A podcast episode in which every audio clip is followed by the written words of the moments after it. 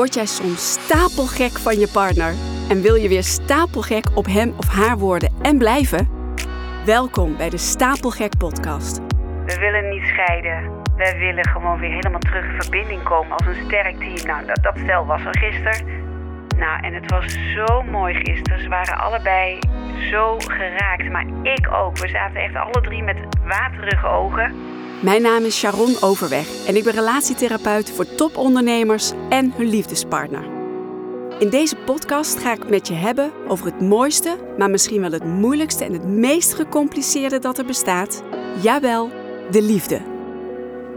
Nou, gisteren ben ik weer begonnen met werken. Ik heb de afgelopen twee weken nauwelijks gewerkt. Uh, wel een één op één met een nieuw koppel.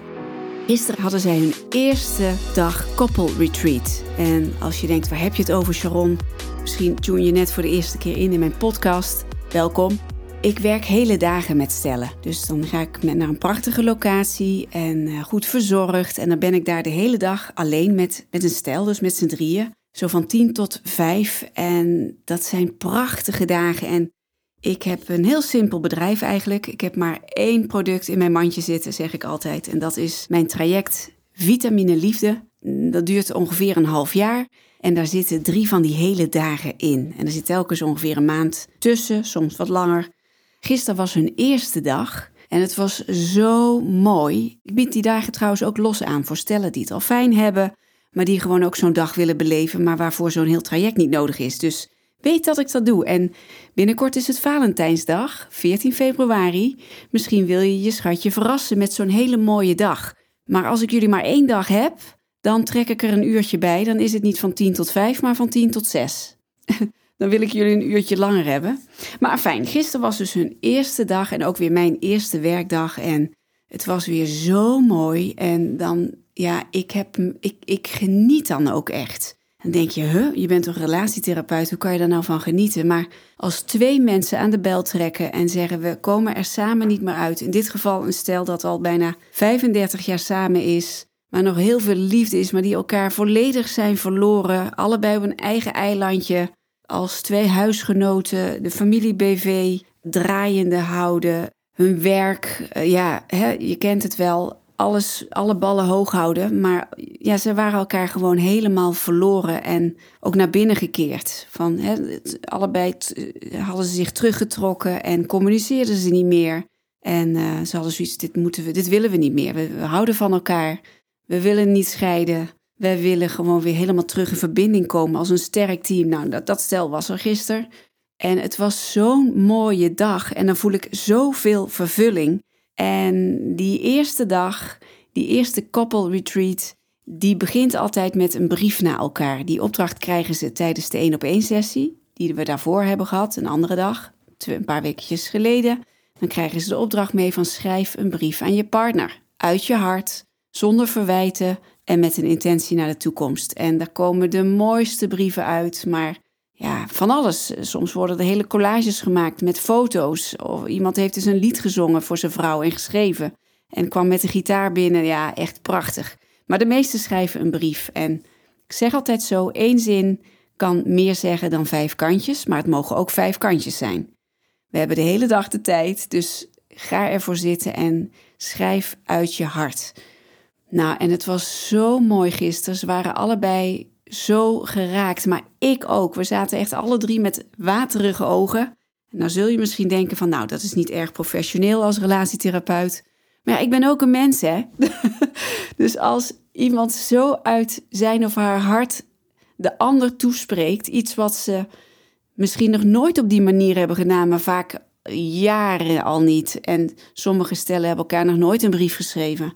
Dus wanneer dat gebeurt en dat raakt mij ook, ik, kan dat, ik hou het dan ook niet droog, echt niet.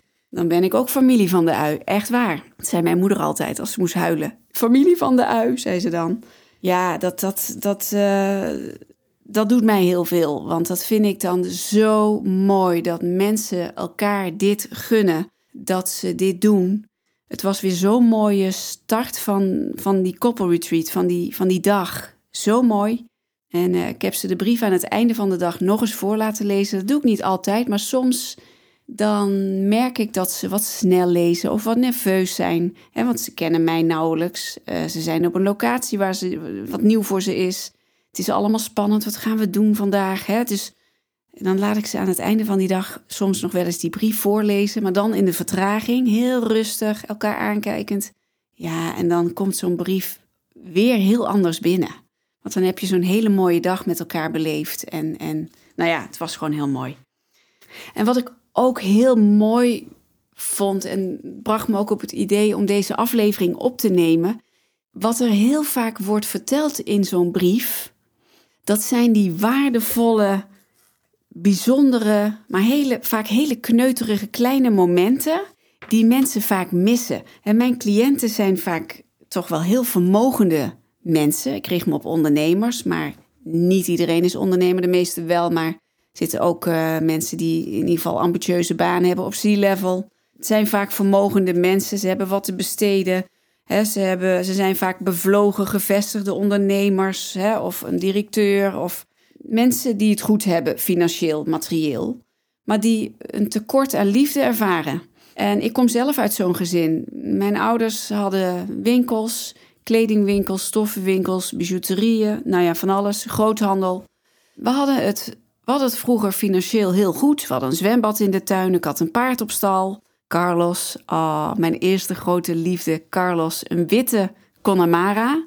Dat zijn Ierse paarden, of eigenlijk hele grote ponies.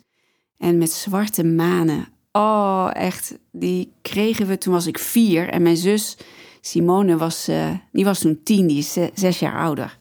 Dus uh, ik moest nog twee jaar wachten tot mijn zesde voordat ik uh, mocht paardrijden. Oh, dat weet ik nog heel goed. Dat vond ik heel erg dat ik dat nog niet mocht, maar dat wilde ik zo graag. En uh, we hebben hem 26 jaar gehad, Carlos. Was echt mijn eerste grote liefde. Was zo'n lief, lief, oh, was zo'n lief beest. Zo'n lieverd. Ja, dat, dat, die heeft heel veel invloed gehad op mijn jeugd. Maar goed, we hadden, er kwam ons dus niks tekort maar op, in materieel, materiële zin. We gingen op skivakantie, een prachtige zomervakantie, een boot in Zuid-Frankrijk. Maar mijn ouders hadden een tekort aan liefde voor elkaar. Dus dan kun je alles, van, eh, alles hebben wat je hartje begeert. Maar als er geen liefde is, nou, dan dat is natuurlijk pure armoe. En ik merk dat ook bij mijn cliënten die vermogend zijn, die vaak een tweede, soms zelfs derde huis hebben, die een boot hebben, een jacht. Uh, meerdere auto's, oldtimers. Het kan allemaal niet op. Ze hebben een heel succesvolle business of een hele goede baan. Maar als er een tekort aan liefde is, dan voel je je niet gelukkig. Dan, dat is echt heel erg schrijnend. En ik vind het dan iedere keer weer dapper dat mensen aan de bel trekken. Maar waar, hoe kom ik erop? Nou, ik vraag dus mensen een brief te schrijven. En ook gisteren weer, maar dat is bijna in elke brief die ik hoor. Beschrijven mensen die die hele mooie, waardevolle momenten, die vaak geen ruk kosten, dat is wat ze zo missen. Dat is waar ze zoveel waarde aan hechten. Dat is waar ze op terugkijken. op, uh, hij beschreef gisteren een moment dat ze onderweg waren naar Zwitserland of naar Duitsland. Nee, Zwitserland, via Duitsland. En um, dat ze ergens op een mooie plek hadden gebarbecued. Op een barbecue van 13 gulden van de, van de supermarkt. Weet je wel? Dat soort zo'n wegwerpbarbecue. Dat soort momenten worden vaak aangehaald. Ja, mensen die beschrijven dat ze bij zonsondergang aan zee pizza aten. Weet je wel, zo'n zo'n afhaalpizza. Dat ze dat missen, dat ze die momenten zo ontzettend koesteren, dat ze dat terug willen. Of dat ze vastzaten in de sneeuw en niet weg konden uit hun hotel en nog een dag langer in die, in dat hotel, in die hotelkamer bleef met z'n twee. Lekker in bed en films keken en lekker vreeën die dag. En ze waren helemaal ingesneeuwd. Nou, dat zijn van die kneuterige momenten die mensen onthouden, waar ze heel veel waarde aan hechten en wat ze terug willen. En dan denk ik, ja, daar gaat het leven ook over. Iemand zei ook een keer, een vrouw die zei van, ja, we zijn, wij, wij zijn zo tegen een burgerlijk bestaan. Dat willen, we, dat willen we absoluut niet zijn, zeggen we dan. We willen vooral niet burgerlijk zijn. En toen zei zij tegen hem van, maar is dat niet wat juist het leven zo mooi maakt? Is dat niet juist heel fijn, zo'n burgerlijk bestaan? Ja, en wat is dan burgerlijk, hè? Maar ik begrijp wel wat ze ermee bedoelde, hè? dat je alles samen doet en samen op de bank en samen dingen. Ja, wat versta jij onder burgerlijk? Maar ik begreep wel wat ze ermee bedoelde. Maar wat ze zei was, is het juist niet iets wat ontzettend fijn is. Is dat niet iets wat we juist moeten nastreven, zo'n burgerlijk bestaan? In plaats van alles groter en meer en vakanties die steeds verder gaan en duurder zijn. En daar gaat het allemaal niet om. Is wel mooi, is wel fijn. Maar de heilige graal van een mooie relatie zit hem juist in het dagdagelijkse, in het kneuterige, in samen een spelletje doen, in, in dat soort momenten, die vaak dus helemaal geen geld kosten. En uh, ik vroeg me gewoon af, hoe is dat voor jou als je dit hoort? Herken je dat? Ik herken het zelf wel. Als ik denk aan onze mooiste momenten, dan zijn dat vaak ook hele kneuterige burgerlijke momentjes. ja, inderdaad, aan de branding met de kinderen een broodje eten. Omdat we geen zin hadden om ergens te gaan uit eten. We lagen nog zo heerlijk op het strand, weet je wel. Dat zijn van die momenten dat je dan naar de zonsondergang, zonsondergang kijkt en naar je kinderen kijkt en dat je je intens gelukkig voelt. En dat kost dan helemaal niks. Ja, een broodje, vier broodjes. Weet je, dat soort momenten. Heerlijk zijn dat soort uh, ja, herinneringen. Hele waardevolle momenten. En ja, ik vond dat gisteren heel mooi. En dat beschreven ze ook alle twee. En wat ik heel mooi vond aan dit stel, dat ze heel goed naar elkaar konden luisteren. En zij konden elkaar heel goed horen. Dus zij konden elkaar heel goed horen wat de ander zei. Ze gingen niet in de aanval. Ze lieten elkaar goed uitspreken. Ze vroegen door van wat bedoel je daarmee? Ik geniet daar echt van. Dat vind ik zo mooi. En zij doen dat zelf. Ik begeleid het alleen maar. dat zeg ik ook aan het begin. Praat met elkaar. Praat niet, probeer niet te veel via mij te praten. Want ik hoef het niet te begrijpen. Het gaat erom dat jullie elkaar begrijpen. Ja, dat deden ze zo ontzettend goed. Was heel erg mooi. En toevallig was ik vandaag in een oud boekwerk van mezelf aan het bladeren. Ik heb heel lang een, soort boek bijgehouden met krantenartikelen en mooie quotes en bijzondere dingen die ik, die ik wil bewaren. Dat had ik al heel lang niet ingekeken en ik sloeg dat boek over en daar, kom, nou ja, daar rolde eigenlijk deze tekst uit. Zo mooi, ik ga het voorlezen. Het heet Luisteren. Als ik je vraag naar mij te luisteren en jij begint mij adviezen te geven, dan doe je niet wat ik vraag.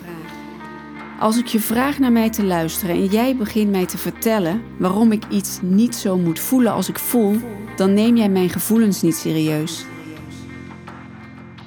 Als ik je vraag naar mij te luisteren en jij denkt dat jij iets moet doen om mijn probleem op te lossen, dan laat je mij in de steek, hoe vreemd dat ook mag lijken. Dus alsjeblieft, luister alleen maar naar me en probeer me te begrijpen. En als je wilt praten, wacht dan even en ik beloof je dat ik op mijn beurt naar jou zal luisteren. Nou, dat vind ik zo toepasselijk op dat stel van gisteren. Dit is wat zij al deden. Mooi hè? Prachtig. Nou, ik, uh, ik, ik ga hem afronden. Volgende maand 14 februari, Valentijnsdag. Is het niet iets voor jullie om een dag bij me te komen van 10 tot 6 of half 10 tot half 6, wat jullie willen? Met een heerlijke lunch, goede happen, goede sappen. Een hele mooie dag. Geef hem wel alleen aan stellen die al een fijne relatie hebben. Als jullie hele grote problemen hebben, dan is zo'n eendaagse niet geschikt. Maar als jullie een fijne relatie hebben, maar er spelen misschien wat dingetjes. Of jullie denken van nou, het is af en toe fijn om onszelf weer eens een spiegel voor te houden na al die jaren. Laat het me weten. Laten we in contact komen. En als 14 februari al vol is, dan gaan we het gewoon op een andere dag doen. We kunnen het altijd doen, dus laten we dan een andere dag plannen. Wil je daar meer over weten? Stuur me een mailtje sharon.stapelgek.com of een DM op LinkedIn. Sharon Overwegslap, dat ben ik. Ik wens jou een hele mooie dag, goede zaken. Bye bye.